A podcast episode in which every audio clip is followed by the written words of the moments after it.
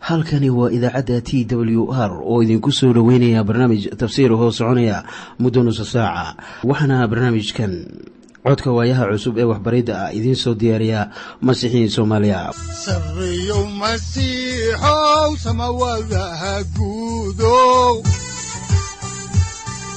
Siraadkii adduunkow subanaha eebow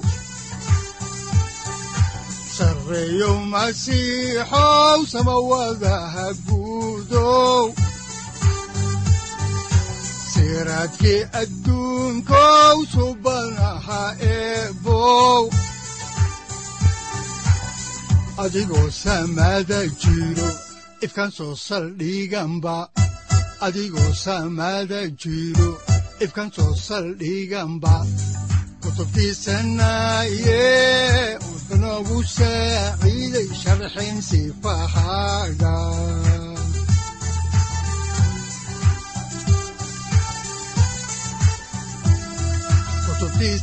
kutubtiisinayow ebnagu saaciid sharxin sifahaaga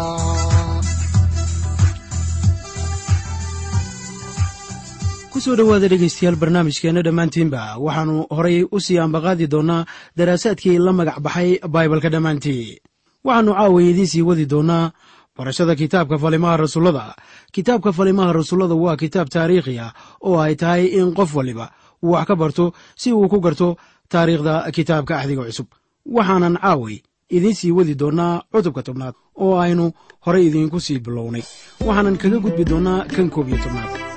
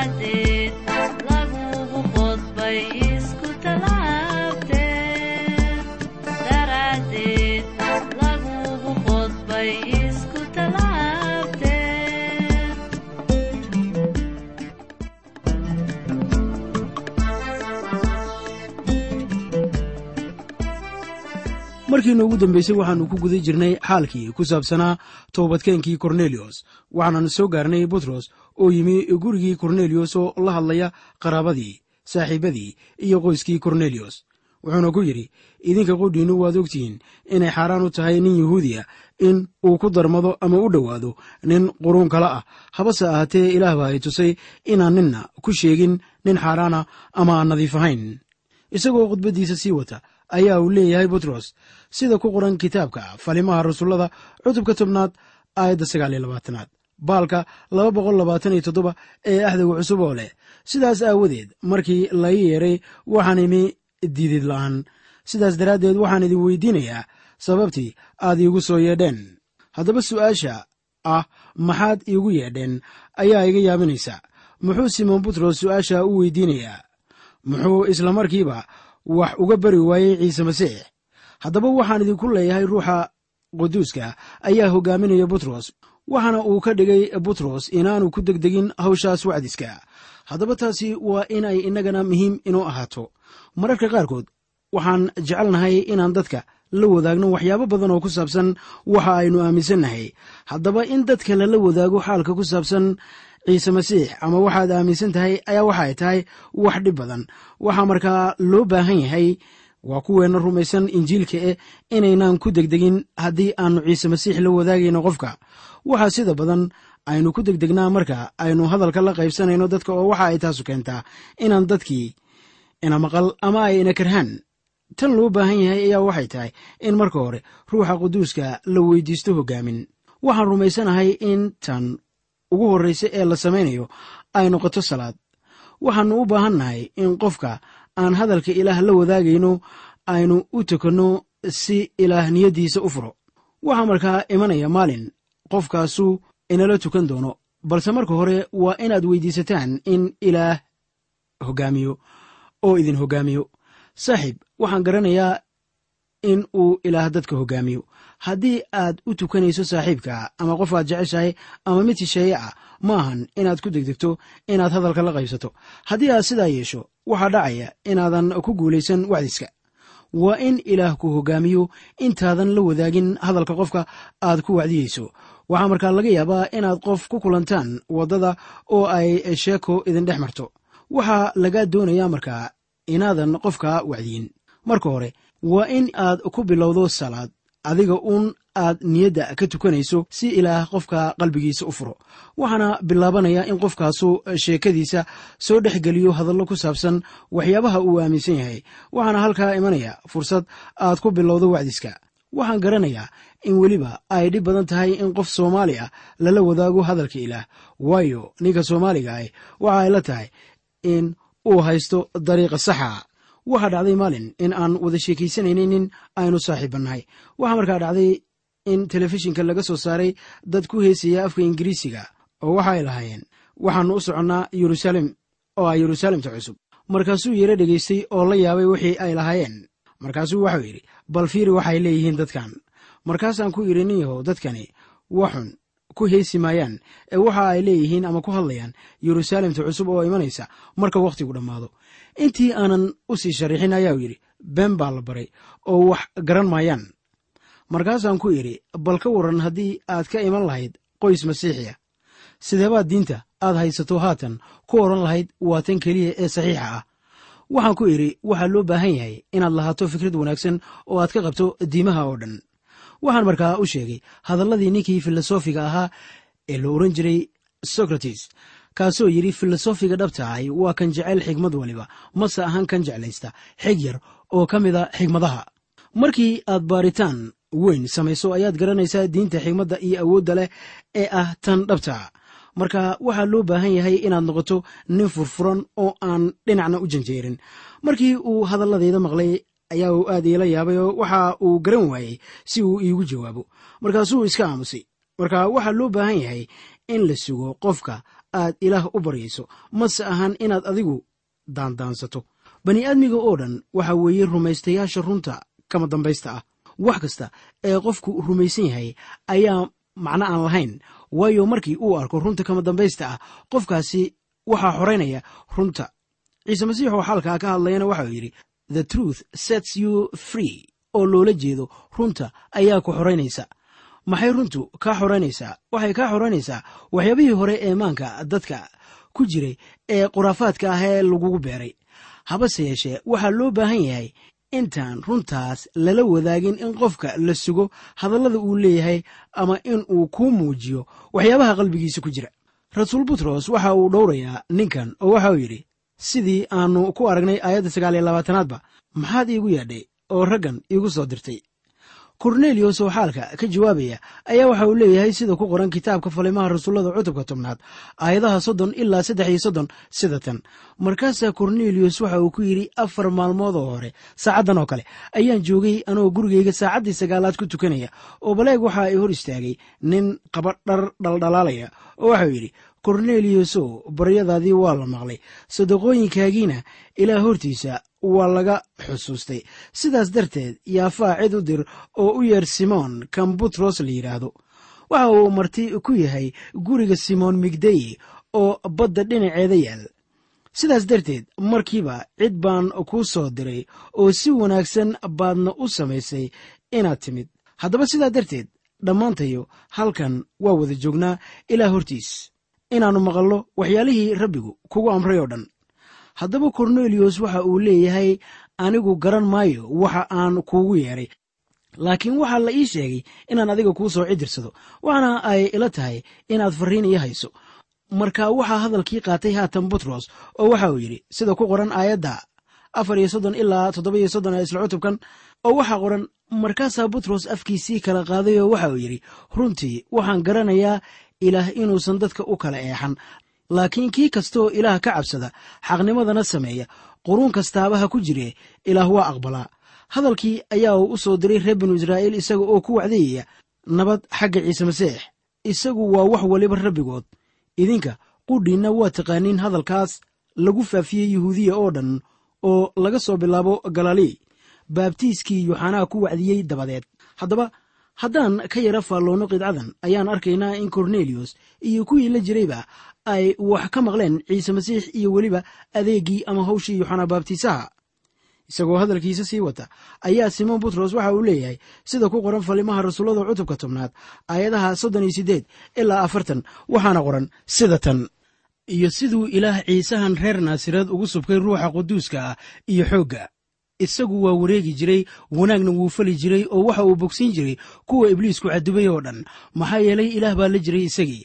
Annagu markhaatiyaal baannu ka nahay waxyaalihii oo dhan oo uu sameeyey waddanka yuhuudiya iyo yeruusaalem isaguna waa kii ay dileen markii geedkii ay ka soo deldeleen isaga ilaah baa maalintii saddexaad sare kiciyey oo bayaan u muujiyey waxaa si feejigan u eegtaa haddaba sida simoon u wacdinayo. Waxa uu soo hordhigayaa asxaabtan isku timi xaqiiqooyin la hubo oo ku saabsan ciise masiix iyadoo ay la tahay in korneliyos iyo saaxiibadii ay garanayaan qaar ka mid a dhacdooyinka. Waxa uu u caddeeyey in ciise lagu qodbay geed oo uu maalintii saddexaad ka sare kacay dhimashada. Ilaah baa dhimashadii ka sare kiciyey oo bayaan dadka hortooda ugu muujiyey. Haddaba wixii uu ku wacdiyey ayaa noqonayay injiilka si kale oo loo wacdiyo ayaaban jirin. Waa in dadka loo sheego in ciise la qodbay oo uu dhintay. Dabeetana dhimashadii ka sare kacay. Haddaba simoon butros waxa uu ka hadlay iminka waxyaabo taariikhiya oo runta ku salaysan. Haddaba xiriirka aad la lahanayso badbaadiyahan sare kacay ayaa lagu xirayaa jiritaankaaga dambe. Waxa uu u dhintay dembiyadeenna markii aan eegno qorniinka waxaana mar kale loo sare kiciyey sida bawlos inoogu sheegayo warqaddii reer rooma cutubka afraad aayadda shan iyo labaatanaad xaqnimadeenna. Haddaan dib ugu noqonno xigashada kitaabka falimaha rasuullada ayaannu haatanna eegaynaa cutubka tobnaad aayadaha koob iyo afartan ilaa saddex iyo afartan waxaana qoran sida tan uma muujin dadka oo dhan laakiin wuxuu u muujiyey markhaatiyaashiisii ilaa hore u doortay xataa annaga oo isaga wax la cunnay oo wax la cabnay markuu kuwii dhintay ka soo sare kacay dabadeed waxaana uu nagu amray inaannu dadka wacdinno. Aannuna markhaati u furno inuu kanu yahay kii ilaah ka dhigay xaakinka kuwa nool iyo kuwa dhintayba.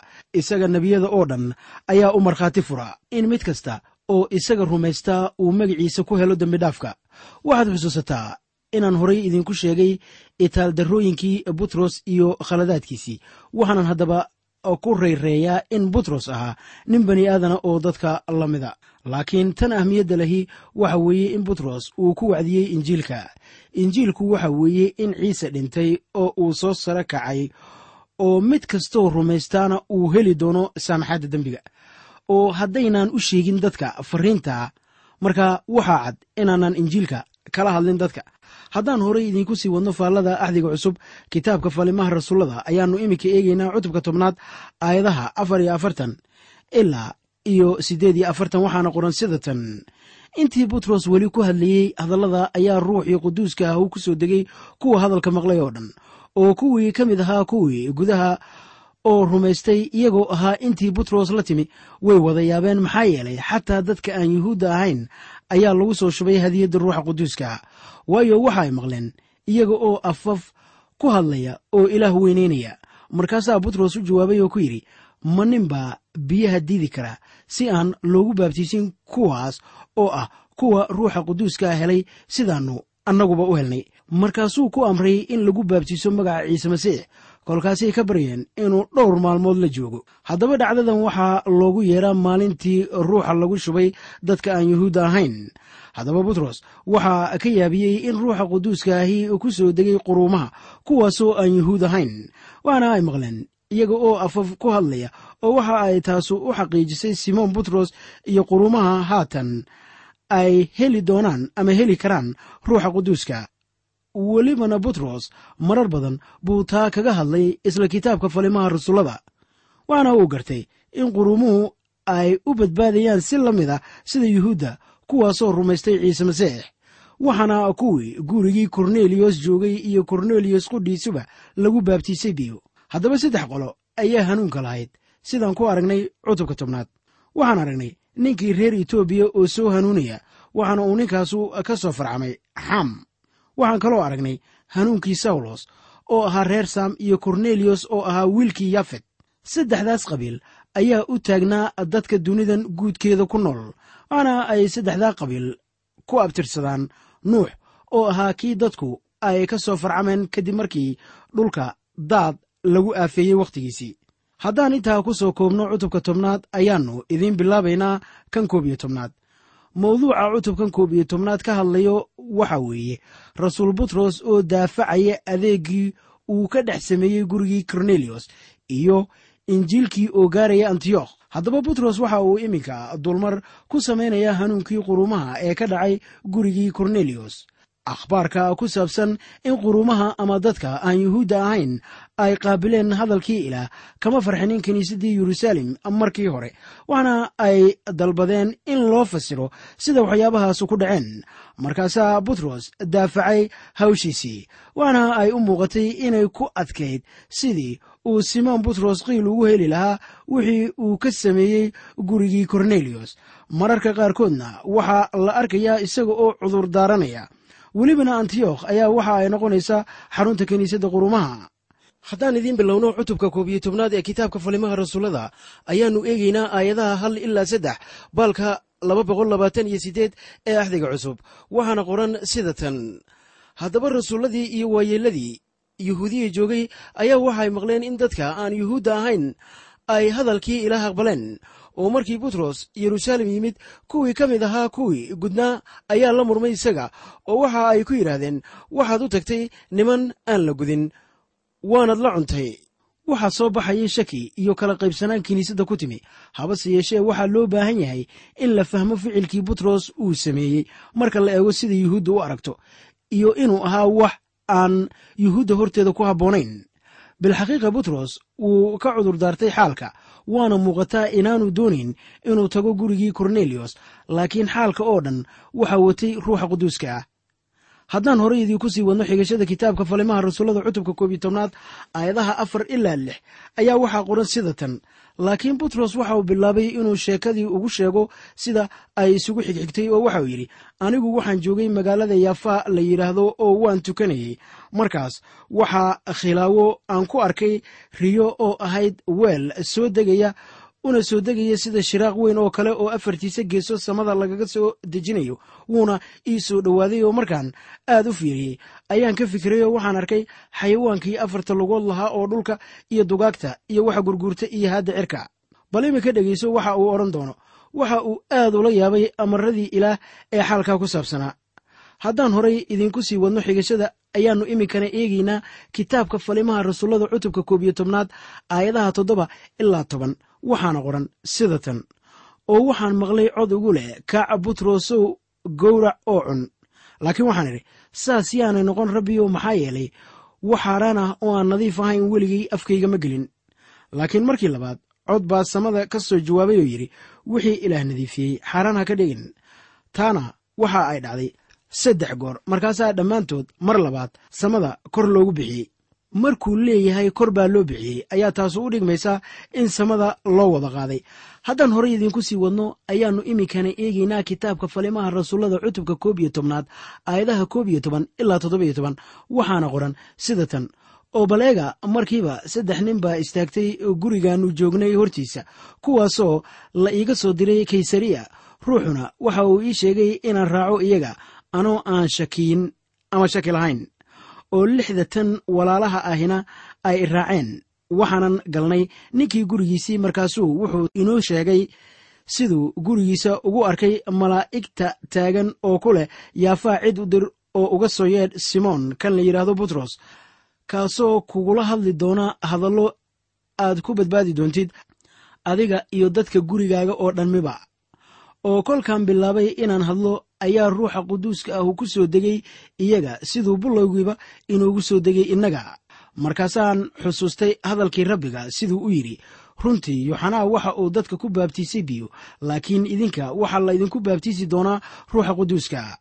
Haddaba haddii ilaah iyaga siiyey isku hadiyaddii siduu inoo siiyey markii aynu rabbi ciise masiix rumaysannay anigu kumaan ahay kaygan ilaah diidi kara. Haddaba intaa ayaa uu isku difaacay simon butros. Haddaba wixii keenay in ay luuqado kale ku hadlaan ayaa ahayd caddayn ay lahaayeen simon butros oo ahayd in ruuxa quduuska ahu ku soo degay raggaas. Sidee kale baa loo ogaan kari lahaa in ruuxa quduuska ahu baabtiisay haddaanay ku hadlin luuqadaha? Haddaan horey idinku sii wadno xigashada kitaabka ayaannu haatanna eegaynaa cutubka koob iyo tobnaad aayadda siddeed iyo tobnaad. Waxaana qoran sida tan oo markay waxyaalaha maqleen ayaa ay dooddii ka aamuseen ilaah bayna ammaaneen oo waxaay yidhaahdeen haddaba xataa dadka aan yuhuudda ahaynna ilaah baa siiyey toobadkeen inay nolol helaan. Iminka yuhuuddii masiixiyiinta ahaa ayaa ka haray eedayntii markaasay ilaah ammaaneen. Waxaanay maalintaasi u ahayd markii dambe maalin loo furay qurumaha irdihii waxaanan haatan arkaynaa in loo diyaargaroobayo in injiilka la gaarsiiyo dhulka darafyadiisa. waxaanan haatan soo gaarnay maaddada ah injiilka oo la soo gaarsiiyey antiyokh si balaynu taa wax uga ogaanno ayaa waxaa habboon in aannu isla eegno kitaabka falimaha rasuullada cutubka koob iyo tobnaad aayadaha sagaal iyo toban ilaa labaatan waxaana qoran sida tan. haddaba kuwii u kala firirsanaa dhibaatadii kacday stefanos aawadiis waxa ay u socdaaleen tan iyo foynike iyo qubrus iyo antiyokh iyaga oo aan hadalka kula hadlininna yuhuudda oo keliya mooyaane laakiin waxaa jiray qaar iyaga ka mida oo ahaa niman reer qubrusa iyo reer koronaya ahaa kuwaasoo kolkay antiyokh yimaadeen xataa giriigtiina la hadlay iyagoo ku wacdiyaya rabbi ciise. Haddaba yuhuuddii giriigta ahayd sidaad garanaysaan ayaa dhaqan ahaan ahaa niman giriiga waxaad kaloo ogaataa in wacdiska ay lahaayeen yuhuudda oo keliya wixii intaa ka horreeyey. Haddaan horey idinku sii wadno xigashada kitaabka ayaannu eegaynaa kitaabka falimaha rasuullada cutubka koob iyo tobnaad aayadaha koob iyo labaatan ilaa laba iyo labaatan waxaana qoran sida tan. Gacanta rabbiguna waa la jirtay iyaga oo kuwo tiro badan oo rumaystay baa rabbiga u soo jeestay oo warkii iyaga ku saabsanaa baa waxa uu soo gaaray kiniisadda yeruusaalem ku tiil markaasay barnabas tan iyo antiyokh u direen haddaba waxaa halkaa ka jiray dhaqdhaqaaq weyn oo ah xagga ruuxa quduuska. Markaasaa kiniisaddii yeruusaalem xaalkaa maqashay. Islamarkiiba kiniisaddii yeruusaalem barnabas ayaay antiyokh u dirtay. Sida hubaasha ana xarunta waxaa laga soo rari doonaa yeruusaalem oo waxaa laysugu iman doonaa antiyokh si balaynu xaalka uga dherango ayaa waxaa munaasaba inaan idiin akhriyo cutubka koob iyo tobnaad aayadaha saddex iyo labaatan ilaa afar iyo labaatan oo leh sida tan kaasoo farxay markuu yimid oo arkay nimcada ilaah. Waxaana uu kulligood ku waaniyey inay rabbiga ku xajistaan niyad qalbiga ka timi. Maxaa yeelay nin wanaagsan buu ahaa oo waxaa ka buuxsamay ruuxa quduuska iyo rumaysad. Dad badan baana rabbiga u kordhay. Haddaba waxyaabo wanaagsan baa laga sheegayaa barnabas wuxuuna ahaa nin wanaagsan oo ruuxu ka buuxo oo iimaan buuxana lahaa. Saaxiib ma jirto asbaab aanu qofka masiixiga ahi ku noqon karin qof shakhsiyad wanaagsan markii barnabas arkay in kiniisaddii sii kordhayso ayaa uu gartay inuu u baahan yahay qof kalkaaliyo u noqda. Haddaan horey idiinku sii wadno oo dheegno qofka uu u soo dooran doono kalkaaliyaha ayaannu haatan eegaynaa cutubka koob iyo tobnaad aayadaha shan iyo labaatan ilaa lix iyo labaatan oo waxaa qoran sida tan markaasuu tuuros tegey inuu sawlos ka doono markuu soo helayna ayuu antiyokh keenay waxaana dhacday inay sannad dhan kiniisadda la urureen oo ay dad badan waxbareen oo meeshii ugu horreysay ee xertii loogu yeeray masiixiyiin waxay ahayd antiyokh. Barnabas waxa uu doonayey sawlos wuuna la yimi. Waxaanse u malaynayaa in bawlos aanu si degdega ku aqbalin oo wuu diidanaa. Haddaba meeshan bay ahayd. Waa antiyokhe halkii ugu horreysay ee muuminiin wada jirta loogu yeero masiixiyiin waxaana uu ahaa magac wanaagsan. Haddaan horey idiinku sii wadno oo soo koobno cutubka koob iyo tobnaad ayaannu eegaynaa aayadaha ilaa soddon waxaana qoran sida tan. Wakhtigaas waxaa yeruusaalem ka yimi nebiyo inay antiyokh tagaan. Markaasaa mid iyaga ka mid a oo agabos la oran jiray ayaa istaagay oo waxa uu ruuxa ku sheegay in abaar weyni dunida ku dhici doonto taasoo dhacday wakhtigii kalowdiyos markaasaa mid kasta oo xertii ka mid ahiba sidii tabartiisu ahayd wuxuu goostay inuu caawimaad u diro walaalihii yuhuudiya joogay oo sidaasay yeeleen oo waxa ay waayeeladii ugu sii dhiibeen gacantii barnabas iyo sawlos marka dhacdada halkan lagu qoray ayaa waxaa qoraya buugo kale oo taariikhi ah waxaa dalka israa'iil ka dhacay abaar waxaana laga dareemay yeruusaalem halkaasoo kiniisaddii lagu silciyey dhaawacyana loogu geystay oo tiradiina ay isdhintay xubnihii kiniisadduna waxay u baahnaayeen caawimaad wakhtigaas waana wax xiise leh inaan aragno sidii kiniisaddii hore ay isugu xirnaayeen iyo walaalnimadii dhex tiilay kiniisadihii kale ayaa caawimaad u soo diray kiniisaddii yeruusaalem waxaan xusuustaa inuu sawlos ahaa kii kiniisadda silciyey oo kala eriyey oo baday siliciisa xariir baleeg siday u yaab badan tahay haddana in gacmihii sawlos oo ahaa kii waxa suuqayey loo soo dhiibo deeqdii ama gargaarkii kiniisadda yeruusaalem looga soo aruuriyey antiyokh waxaad mooddaa in masiixiyiintanu yihiin kuwo lagu tilmaami karo inay ahaayeen waxa dad masiixiyiin ah laga doonayo inay ahaadaan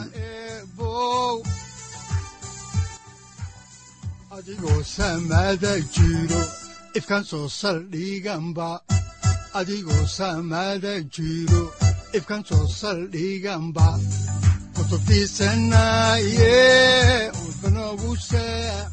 halkani waa t w r idaacadda t w r oo idinku leh ilaa ha idin barakeeyo oo ha idinku anfaco wixii aad caawi ka maqasheen barnaamijka. Waxaa barnaamijkan oo kalaa aad ka maqli doontaan habeen dambe.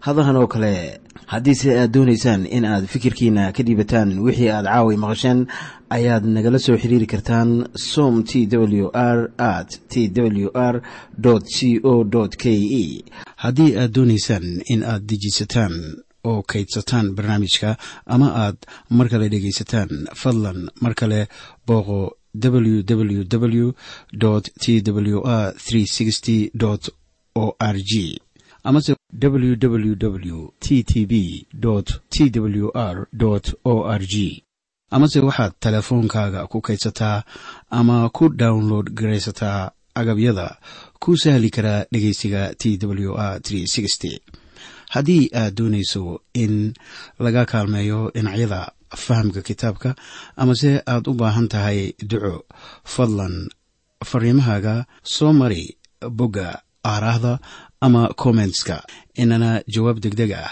ayaanu ku soo diri doonaa amase ku siin doonaaye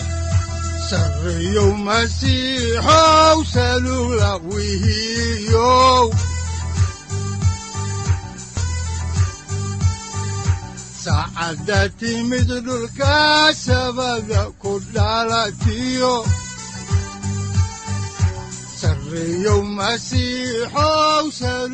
halkani waa t w r oo idiin rajaynaya habeen baraare iyo barwaaqaba leh. Inta aynu ka gaari doono wakhti aynu ku kulanno barnaamij la mida kan caawayay aad maqasheen. Waxa aan idinku leeyahay nabadda ciise masiix ha idinku badato xagga jidhka iyo ruuxaba. Aamiin